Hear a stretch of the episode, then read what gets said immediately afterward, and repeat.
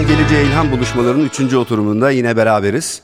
Bundan önce iklim krizi ve e, gençler, iklim krizi ve toplumsal cinsiyet ilişkisi üzerine çok değerli konuklarımızla sohbet ettik. Bu seferki de e, biraz daha değişik bir konu. Sürdürülebilirliğin iletişimini konuşacağız. Çok fazla konuşulmayan ama bence çok önemli bir konu. E, yaşadığımız sorunların, sürdürülebilirliğin gelişimindeki önemli sorunların birisi de bu iletişim konusunu son derece az konuşmamız. Yine çok değerli bir konuşmacımız var. Sevgili Faik Uyanık. Faik hoş geldin. Merhaba Barış, hoş bulduk sağ ol. Ee, çok uzun yıllar medyada çalıştın. Medyanın önemli yerlerinde çalıştın. Ee, kamera önündeydin, televizyonlardaydın. Daha sonrasında ise UNDP Türkiye'nin iletişim koordinatörlüğü görevini üstlendin. Orada da yıllar geçti aslında. Doğru. Ve yani hem iletişim kısmını hem de sürdürülebilirlik kısmını aslında hem Türkiye için hem de dünya için e, en iyi takip eden insanlardan birisin. Bu konuyu a- aklıma gelince hemen sen geliyorsun açıkçası. Sağ ol. İstersen şimdi biraz e, sürdürülebilirlik konusunun medya ayağını ele alalım. Sonra daha genel sürdürülebilirlik iletişiminin e, başka veçeleri de var. Onları da beraber konuşmaya çalışalım. Şimdi e, medyanın genel olarak sürdürülebilirliğin konusunda nasıl bir rolü var? Nasıl bir rolü olmalı? Bunları biraz konuşalım. Tabii tekrar teşekkürler davet için. Ee, sürdürülebilirlik konusunda yapılan bu işlerin çok büyük kıymeti olduğunu düşünüyorum ve ben de severek izliyorum. Yapılan her işi özellikle de senin içinde olduğun her işi e, yakından takip ediyorum. Sürdürülebilirliğin iletişimi gerçekten zor bir konu başlığı. Bir kere onunla başlayalım. Yani medya konusuna geçmeden önce e, şu anki küresel kalkınma gündeminde 17 temel amaç var ve bu 17 temel amacın her birinin diğer 16'sıyla ilişkisini açıklamak zorundayız ki temel resim ortaya çıksın. E, bir kere 17 niye 17 diye soran da oluyor bir asal sayı. Yani niye 16 değil, niye 12 değil, niye şu değil, niye bu değil. Bir önceki gündem 8 başlıktan oluşuyordu. E, gerçekten zorlu bir alan. İlişkileri anlatabilmek açısından konteksti net bir şekilde ortaya koymak bakımından hala güçlükler çekiyoruz ve hala yaparak öğreniyoruz. Belki bundan daha detaylı bahsederiz ama medya konusuna birkaç adım geriye çekilelim. Bizler yokken, sürdürülebilirlik kavramı yokken, pek çok kavram daha ortada yokken medya vardı. Medya bu konularla ilgili olarak nasıl bir yaklaşım sergiledi? E, buna bir bakalım. E, iki taraflı bakabiliriz aslında. Her zaman ana akım medya vardı ve her, her zaman onun karşısında aslında bir de bu da var diyen insanlar vardı. Az sayıdalardı, marjinal görülüyorlardı ama varlardı. Şimdi geçen sene e, veya ondan önceki sene ortaya çıkan sosyal medyada yayılan özellikle pandemi ortamında yayılmış olan bir kupür vardı. 1912 yılında yayınlanmış e, ve içinde diyor ki işte şu kadar yılda şu kadar milyar ton biz kömür yakıyoruz fırınlarda e, sanayi çarklarını döndürmek için ve bunun karşılığında da bu kömürün e, ürettiği şu kadar milyar ton karbondioksit atmosfere karışıyor. Bu bir battaniye etkisi yaratıyor ve e, dünyamızın sıcaklığı giderek artacak. Önümüzdeki 100 yılda bunu daha iyi hissedeceğiz. Bunu 1912 yılında mı söyledin? 1912'de bunu söyleyen insanlar var. Bilim insanları da var. Gazeteciler de var. Ondan sonra tartışıldı 1912'de böyle bir şey söylenmiş olamaz diye. Teyitçiler var ya şimdi dünyanın her yerinde. Teyitçiler de tek tek bunu araştırdılar. Ve bunun e, gerçekten o yılda çıkmış olan bir haber oldu ortaya çıktı. 1800'lerden beri aslında bazı bilim insanları bu e, iklim krizinin gerçekleşebileceğini söylüyorlardı. söylüyorlar ve bu aslında bir güce karşı yapılan bir mücadele. Kolay bir iş değil. Yani bu aktivizm hala kolay bir iş değil ama o zaman da kolay değildi. Karşınızda kocaman dev firmalar var, çok büyük bir sistem var, çok büyük bir çark var. Dönüyor dönmek zorunda, size rağmen dönmek zorunda ve kimsenin aslında çok fazla umrunda değilsiniz. O zaman da zordu bu e, aktivizm veya gazetecilik türü. Şimdi de aynı ölçülerde zorlu. E, ikili olarak devam etti ama ana akım e, çoğunlukla e, sisteme bir şekilde göbekten bağlı olarak ilerledi. Çok uzun bir müddet bu olmak zorunda kaldı. Yani sistem için rıza üreten bir müessese olarak kalmayı tercih etti. Çünkü bu ana akım medyanın e, kendi işine gelen bir şeydi. Bir yandan da global kontekst var. Dünya savaşları var. İşte 1910'lar, 1930'ların sonu 40'ların başında yaşanan dünya savaşları, ondan sonra oluşan yeni dünya düzeni, ortaya çıkan uluslararası kurumlar vesaire ve önce odaklandıkları konu ekonomik refahın artırılması, insanların cebine para girmesi, yoksulluğun ortadan büyük ölçüde kaldırılıp işte açlığın giderilmesi vesaire. Yani insanlar kendileriyle çok meşgullerdi. Yüzyılın ortasına kadar 50'ler, 60'lar hep böyle geçti. 70'lere geldiğimizde kırılmanın başladığını görüyoruz. Biraz karnımız doyduğunda etrafa bakmaya başladık. Bir de gördük ki biz 100 yıldır hatta daha uzun bir zamandır 1750 olarak alırsak kömür, petrol ve gazın kullanımını dünyayı mahvediyoruz. Ve bu çember daralıyor. Ortada kalan yine insan olacak. 1972 ee, yılındaki o Stockholm zirvesini biliyorsun. Çok önemli. 50. yılını 50. yılındayız. şu anda değil mi? Haziran ayında bu kaydı yapıyoruz seninle. Bu ay 50. yıl dönümü Stockholm konferansının. Ee, onun başlığı bile insan çevresi konferansıydı. Yani çevre kelimesini hep insanla ilişkilendirdik. Hep kendimizi odağa koyduk. Yani medyanın bundan bağımsız olmasını beklemek doğru mu? Ayrı bir soru. Hani medyayı suçlayalım hep beraber. E, ama bir yandan da kontek zaten öyle evrildi. 60'lar ve 70'lerden itibaren böyle bir şeyi tartışmaya başladık ki çok erkek odaklı. Hani insandan bahsederken hala resmi doküman men diyor ve aynı zamanda çok insan odaklı. Human environment diyor. İnsanın çevresi. Oysa şimdi ne diyoruz? Triple crisis, üçlü kriz diyoruz. Ee, ve en başa doğayı koyuyoruz. Ondan sonra iklimi koyuyoruz. Ondan sonra insan kaynaklı kirliliği koyuyoruz. Üçlü e, kriz olarak bahsediyoruz. Bir evrim var. Ondan bağımsız değil ama çoğunlukla e, ana akım medya rıza üretme odaklı sistemle e, yakın bağları var. Hem özel sektörle, e, sermayeyle, büyük e, kurumlarla, şirketlerle hem de devletlerle hiçbiriyle e, ters düşmek istemiyor. Tabii zaman zaman çıkışlar oluyor. Tabii zaman zaman bazı skandallar, büyük haberler ortaya çıkıyor ama genel akışa baktığınız zaman bu yok. E, dolayısıyla yanında onun daima bir alternatif medya vardı. E, görmek istemiyorduk. Çoğu insan bilmiyordu ama aktivistlerle yan yana yürüyen, doğruyu görüp onu haykıran insanlar her zaman vardı. Aynen bugün olduğu gibi, aynen sizin yaptığınız gibi her zaman varlardı ama marjinalize edilmişlerdi. Türkiye'de de bu böyle oldu. Gerçi hikaye o kadar çok eskilere uzanmıyor belki bizde ama e, yine hatırlayalım. 80'lerde 90'lardaki medya durumunu hatırlayalım. Şimdi baktığımız zaman her şey çok güzeldi diyenler de oluyor ama her şey çok güzel değildi o kadar da. Aslında bakınca çok utanılacak da şeyler var. Yani toplumsal cinsiyet eşitliği açısından, çevre konular açısından öyle değil mi? Vardı bu her zaman vardı. Hem bahsettiğin konularda toplumsal cinsiyet eşitliği konusunda, çevre konusunda, sürdürülebilirliğe şu anda dahil ettiğimiz diğer konularda her zaman bu bakış açısı vardı. Ee, bir kere e, sermayeden yana onun üstüne de hükümette ters düşmemeyi tercih eden ya da biriyle ters düşecekse öbürünü muhakkak arkasına alarak bunu yapan bir bakış açısı vardı. Ee, şimdi değişti mi? O ayrı bir soru işareti. Şu anki medya gündemini incelediğimiz zaman başka bir şey söz konusu ama ana akım hala var. Ee, ve marjinal saydığımız giderek marjinal olmaktan çıkan alternatif medya hala var. Ama kırılma noktası medya açısından 90'larla e, birlikte hayatımıza giren internet oldu. Hiçbirimizin beklemediği ölçüde hızlı bir şekilde 20-25 sene içinde tamamıyla medyanın o manzarasını ortaya çıkan o görünümü değiştirdi ve hiç beklemediğimiz bir yere doğru bizleri getirdi. E, alternatif medyayı marjinal olmaktan çıkardı. E, hiçbir şekilde haber olamayacak şeylerin bir yerlerde haber olmasını sağladı. Ve bu gidişatın ben çok önemli olduğunu düşünüyorum. Bu içerik üretiminin e, kullanıcıların ürettiği içerikler de dahil olmak üzere ortaya çıkan manzaranın. Tabii burada da şu tartışma var e, farkındaysan içerik üreticisi dedim, gazeteci demedim. Yani aktivizmle gazetecilik arasında yeni bir tür medyadan bahsediyoruz. Burada da bazı sorunlar yaşanıyor değil mi? Sorunlar var. Yani temel olarak klasik gazetecilikte gördüğümüz bazı fonksiyonların çok zayıfladığını görüyoruz. İşte farklı kaynaklardan teyit etme, farklı görüşleri alma, teyit etme, e, editoryal bakış, dil kullanımı gibi pek çok yerde sorunlara rastlıyoruz.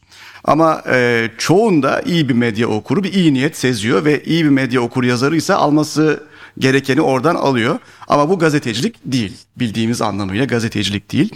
Bir yandan da şimdi 2022 yılındayız. Belki ileride gazetecilik dediğimiz şey buna yakın bir şey olacak. Onu da bilemeyiz. Yani gidişat bizi oraya doğru götürüyor. Bilgi kirliliği var vesaire. Orada da çok problemler var. Kırılma noktaları özetleyecek olursam 70'ler, 70'lerden sonra işte Stockholm Konferansı, Brundtland raporu 87, 92 Rio İnsan ve e, Çevre Konferansıydı o da. İnsan ve yok insan yoktu orada. Çevre ve Kalkınma Konferansıydı 92. E, 20 yıl sonra e, 2012'de Rio artı 20 yapıldı. 2000 yılından itibaren 1000 yıl kalkınma amaçları ortaya çıktı. 2015'te sürdürülebilir kalkınma amaçlarından bahsetmeye başladık. Giderek hepsi üzerine taş koydu ama bir taş daha ekledi ve büyüttü o sürdürülebilirlik anlatısını. 72 şimdi baktığımız zaman çok naif kalıyor ama e, bir o kadar da hayati bir adım atıyor. Her şeyin başladığı yer bir yandan da öyle değil mi? Tabii 50 yıllık bir hikayesi var çevre aktivizminin şu anda ve çevre aktivizminin bir belgede hayat bulduğu, uluslararası bir belgede, altına ülkelerin imza attığı bir belgede gerçekten tanındığı önemli bir dönüm noktası. O zamana kadar neredeyse bir hastalık olarak görülmüş. O andan itibaren bunun bir gerçek olduğu ulusların imzasıyla ortaya konmuş vaziyette. E, dolayısıyla bu bu 50 yıl çok önemli bir 50 yıldı. Tersten bakacak olursak da kaybedilmiş bir 50 yıldı. Teşhisimizi doğru koyduğumuz halde 50 yılda çok az adım attık. Yani 50 yıl önce şu anki bilincimizde olabilseydik ki şu anki bilincimizle bile gaza basamıyoruz, ilerleyemiyoruz, vites yükseltemiyoruz bir türlü. İlla birinin sopa göstermesi gerekiyor. 50 yıl bir anlamda da oradan bakarsak kaybedilmiş bir zaman. E, bu medya konusu gündeme gelince özellikle de iklim krizi bağlamında e, en çok e, sorunlu olan alanlardan biri de bence bu korku iletişimi dediğimiz bir başlık. Yani e, her şey yok olacak, her şey felaketler. E, hani hep öyle başladı biliyorsun. Uzun yıllarda devam etti. Hala da etkisi var. Bu korku iletişiminin çok olumsuz etkileri olduğunu aslında e, birçok araştırma da ortaya koyuyor. Bu konuda neler söylemek istersin? Çok doğru bu benim hep düşündüğüm bir konu başlığı. Ee, bir sunum yaparken de bir seçim var önünüzde. İnsanları korkutacak mısınız yoksa umut mu vereceksiniz? İkisinin de eyleme sürükleme potansiyeli var. Kısa vadede korkunun daha fazla e, eyleme sürükleme e, ihtimali var. Ve ana akım medya az önce medyadan bahsettiğimiz için o geldi aklıma. Korku iletişimini daha çok sever. Çünkü korku satıyor bir yandan değil mi? Bir yandan da satıyor. Bir rating demek e, her türlü skandal, her türlü korku, her türlü dehşet haberi her zaman muhakkak en ince detayına kadar insanların ilgisini çeken konu başlıkları. Bu bir seçim. Uzun vadedeki iyiliğimize bakarak karar vermemiz gerektiğini düşünüyorum. Ee, iyi örnekler de var bu arada korku iletişiminin getirdiği çok güzel sonuçlar da olduğunu Belki biliyorum. biraz dengeli bir e, Tam orasını söyleyecektim. Tam orasını söyleyecektim. 1988 yılında Daily Mail gazetesi İngiltere'de ki yani çevre gündeminin sürdürülebilirlik gündeminin çok zayıf aslında e, ilerlediği yıllar hala 80'li yıllar liberalizmin doruk noktalarını yaşıyor dünya. Hala kapitalizm, hala sermaye en tepede ve diğer her şey doğa dahil olmak üzere e, ona bağlı. yani ona iktisadi hizmet çıkarlar ediyor. her şeyden önemli halde. Her her şey ona bağlı bir vaziyette. O liberalizm Türkiye'yi de etkiledi, Amerika'yı etkiledi, Batı Avrupa'yı etkiledi. O rüzgarın altındayız. Daily Mail gazetesi çıktı. Ee, Kuzey Denizi'nde de o yıl 1988 yılının başından itibaren foklar e, kitleler halinde ölüyor ve kıyılara vuruyor. Ortaya çıkıyor ki bir virüs var. Fokları etkileyen. E, bağışıklık sistemini derinden etkiliyor. Ve e, deride fokların derisinde bir lezyona, e, yaralara sebebiyet veriyor ve bu şekilde feci şekilde can vermiş binlerce fok işte Hollanda'da, e, Danimarka'da, Almanya'da, İngiltere'de, İsveç'te kıyılara vurmaya başlıyor. Artık kimsenin e, gözünü çeviremeyeceği bir aşamaya geliyor bu. Ve Daily Mail gazetesi bunu gündeme getirene kadar işte Times yazmış, e, Independent yazmış, Guardian yazmış vesaire nispeten daha ciddi sayılabilecek gazeteciler bunları yazmışlar. Ama Daily Mail gündeme getirdiğinde bu gerçekten gündeme oturuyor. Daily Mail e, aslında sistemin bir gazetesi olarak bilinir. Yani iktidarı sadece bazı konularda sorgularlar ama Thatcher hükümetinin konuya e, kafasını çevirmesi ve ilgilenmeye başlaması, siyasetin gündemine oturması işte bulvar gazetesi olarak görülen Daily Mail sayesinde oluyor. Save Our Seals diyorlar. Seal Fok. Yani Save Our Souls gibi yani SOS gibi onu bir kampanyaya dönüştürüyor. Greenpeace ile el ele o yıllarda Daily Mail gibi bir gazete e, yola çıkıyor. Buradan şuna getireceğim. E, bunlar hem kirlilik kaynaklı olduğunu söylüyorlar bu ölümlerin. Aslında çok ciddi bir bilimsel kanıt yok. Ama öyle Tahmin dediği ediyorlar. takdirde tabii tahmin ediyorlar çünkü o yıllarda kirlilikle ilgili çok fazla haber var. İşte İngiltere'nin limanlarına yaklaşan zehir yüklü e, tankerler var bilmem ne var. Zaten o konuda böyle farkındalık ve şey artmış birdenbire. İkisini birbirine bağlıyorlar Algıda aslında. seçicilik. Ha o on, kesin onunla alakalıdır vesaire deyip öyle bir haber ortaya koyuyor. Ciddi bir bilimsel kanıt çok uzun bir yıllar boyunca bulunamıyor aslında. Yani belki de E, tamamen insandan bağımsız olarak ortaya çıkmış olan bir konu. Ama işte bu korku iletişimi bir de duygulara hitap eden iletişim. Çünkü bir yandan da bütün kuzey halkları o folkları bizim şeyimiz, bizim Onların canlımız kültürünün de bir Kültürün parçası. parçası. Onun gözleri, bakışı, kirpikleri falan çok seviyorlar ki gerçekten de güzeldir bakarsanız fotoğraflara. Kullandıkları fotoğraflar çok içler acısı fotoğraflar. Ee, görüntüler öyle, anlatılan hikaye öyle. Birdenbire e, ciddi bir kamuoyu oluşturma potansiyelini ortaya çıkartmış oluyor. Bu korku ve duygu iletişiminin ne kadar güçlü olduğunu ve özellikle de mainstream ana akım medya tarafından yapıldığında ne kadar hızla bir şeyleri değiştirebildiğini ortaya koyan ciddi bir gündem oluşturma e, vakasıdır. Hala da okutulan bir vakadır. Yani gündem oluşturmayı biliyoruz. 19. yüzyıldan beri medyanın gündem oluşturma etkisini ama bunun çevre ve sürdürülebilirlikle ilgili yarattığı böyle majör e, gündem değiştirici etkilerden e, söz edildiğinde bu örnek muhakkak geçiyor. Dolayısıyla oraya geleceğim tekrar. Korkutmak, umut dengeli olduğu takdirde Daily Mail istemeden bilmeden belki de kazara o dengeyi yakalamış ve elde ettiği sonuç politika değişikliğine varabilecek bir siyasi gündem değişikliğine yol açmış. E, benim geldiğim nokta ikisinden birini seçeceksem umut. Umut ve bu işin bir çözümü var yolu. Çünkü iki tane seçeneğimiz var önümüzde. Ya umutsuzluğu seçeceğiz ya umudu. Yani aktivistler ve e, bu işi çalışan hükümet dışı aktörlerin e, önünde iki tane yol varsa seçeceğimiz yer gayet belli umut. Ama umudu nereden bulacağız? Onu imal etmek zorundayız. Umudun hiç olmadığı yerlerde e, tarihin en karanlık dönemlerinde liderler, dönüştürücü liderler umut yok. Karanlığın içinde o ışığı görüyorlar. Liderin kendisi umut haline dönüşüyor. Umut yoksa demek ki tek bir çare var. Sen umut haline dönüştürüp etrafını etkileyeceksin. Umudu imal etmek. Yani rızayı nasıl imal ediyor medya? Ee, umudu da imal edebilir. Hatta çok daha kolay imal edebilir. Bence önümüzdeki tek yol bu olacak. E, medya kısmını konuştuk. Şimdi biraz da şöyle sürdürülebilirlik iletişiminin başka bir ayağına geçelim. Çünkü sadece iletişim deyince basın yayın kuruluşları yok. Doğrudan e, kamunun, devletin, uluslararası kuruluşların, e, şirketlerin bu konuda bir iletişim güçleri de var. E, 2015 yılındaki bu sürdürülebilir kalkınma amaçlarının mesela bence devrimsel bir aslında anlamı oldu. Ve o da tam da söylediğin gibi umutla biraz bunu yapmaya çalıştı. O yani 17 sürdürülebilir kalkınma amacının grafiği bile öyle yani renkli renkli kutucuklar. Onun içinde ama çok büyük sorunlar gizli. Biraz da bunlardan konuşalım mı? Evet 2015'i e, bu gündemi takip edenler hatırlar. 2015 Eylül gerçekten bir dönüm noktasıydı. 7 yıl geçmiş bu arada. 7 yıl geçti gerçekten e, inanılır gibi değil. 15 yıllık gündemin yarısını tükettik. Az bir zaman da kaldı bir yandan 2030 yılının sonuna. E, hala yapılacak çok iş var. Pandemi ciddi bir darbe vurdu vesaire. Geri gittik pek çok noktada.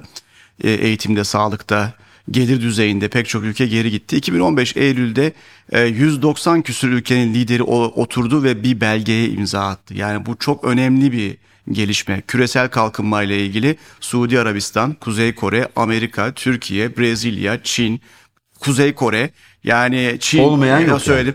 Ya olmayan yok. 72 benzemez. ülke ve sistem bir araya gelip tek yani tabii bir, bir takım müzakereler oldu. Bazı yerler tartışıldı. 16. madde mesela barış, adalet ve güçlü kurumlar. Orada ifade özgürlüğü mü diyelim, basın özgürlüğü mü diyelim, medya özgürlüğü mü diyelim. Hani neyi koyduğunuza Çok göre geniş katılımlı bir tartışmayla çıktı zaten. Tabii tabii bir takım müzakereler var. Bir hani hatırlarsın istişare süreçleri de yapıldı. Türkiye aktif rol oynadı orada. Ee, o dönemde Türkiye açısından ciddi bir başarıydı. Yani Türkiye globalde süren e, o istişare sürecinde öncü bir ülke olarak yer almayı seçti. Bu Türkiye'nin e, o siciline güzel bir şekilde geçti. Bir G20 ülkesi olarak liderlik üstlendi. Özellikle kendi bölgesinde ve Türkiye içinde.